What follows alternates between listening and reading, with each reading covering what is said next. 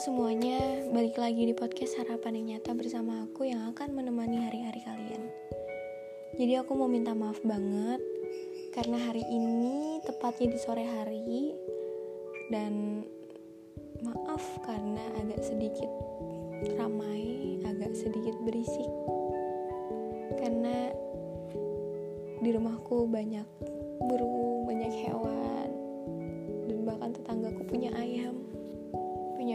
punya angsa.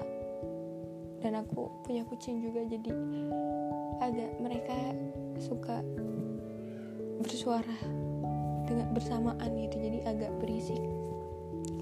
Dan langsung aja kali ini aku mau menceritakan tentang perihal jatuh hati. Perihal jatuh hati setiap manusia yang bernafas ia akan jatuh hati kepada insan yang lain Lantas, luka dan bahagia selalu ada di dalamnya. Sebelum semakin jauh, janganlah untuk menaruh harap pada apa yang belum pasti. Dan yang terpenting, siapkan hati dan diri untuk konsekuensi yang akan terjadi. Sebab cinta tidak selalu memiliki. Cinta adalah rasa yang terjadi tanpa sebuah alasan dan tapi sebuah rasa yang Tuhan anugerahkan dengan penuh rasa cinta, kasih, dan sayang.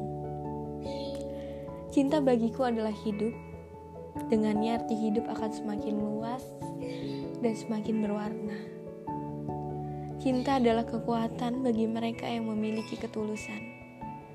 Jangan biarkan cinta membawamu ke dalam jurang yang gelap bawalah ia ke penghujung dunia, menjelajahi setiap rasa dengan indah.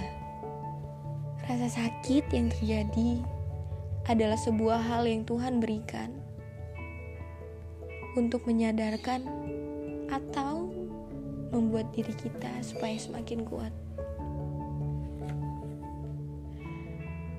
Kita tidak bisa memaksa orang lain untuk mencintai kita, karena cinta adalah hal yang murni, hadir tanpa paksaan.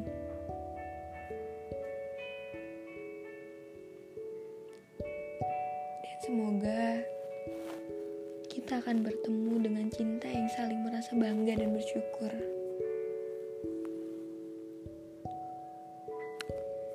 Karena saling mendapatkan.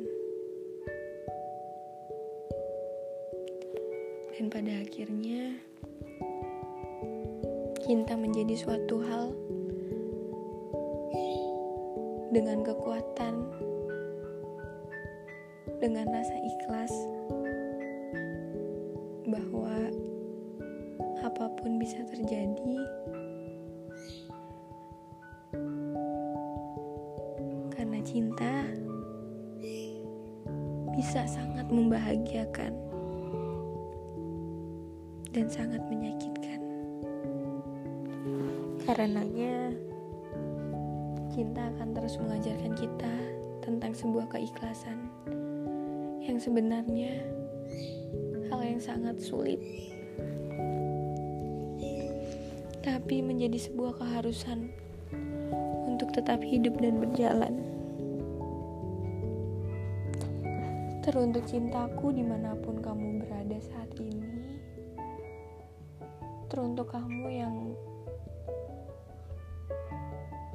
itu Tuhan berikan untukku walaupun saat ini aku tidak tahu kamu siapa, kamu di mana, kamu bag bagaimana, kamu seperti apa. Tapi aku berharap semoga Tuhan memberi kesempatan untuk aku bisa bertemu denganmu, untuk aku bisa memilikimu, untuk aku bisa hidup bersamamu walaupun aku tidak pernah tahu kapan Tuhan akan mempertemukan kita, kapan Tuhan mempersatukan kita, tapi aku percaya bahwa Tuhan punya rencana yang jauh lebih indah, rencana yang jauh lebih baik dari apa ya rencana yang kita buat. Dan siapa pun kalian yang sedang menunggu juga, bersabarlah karena Tuhan yang jauh lebih tahu kapan ia bertemu denganmu. Sampai jumpa di podcast selanjutnya dan terima kasih karena telah mendengarkan podcast harapan yang nyata. See you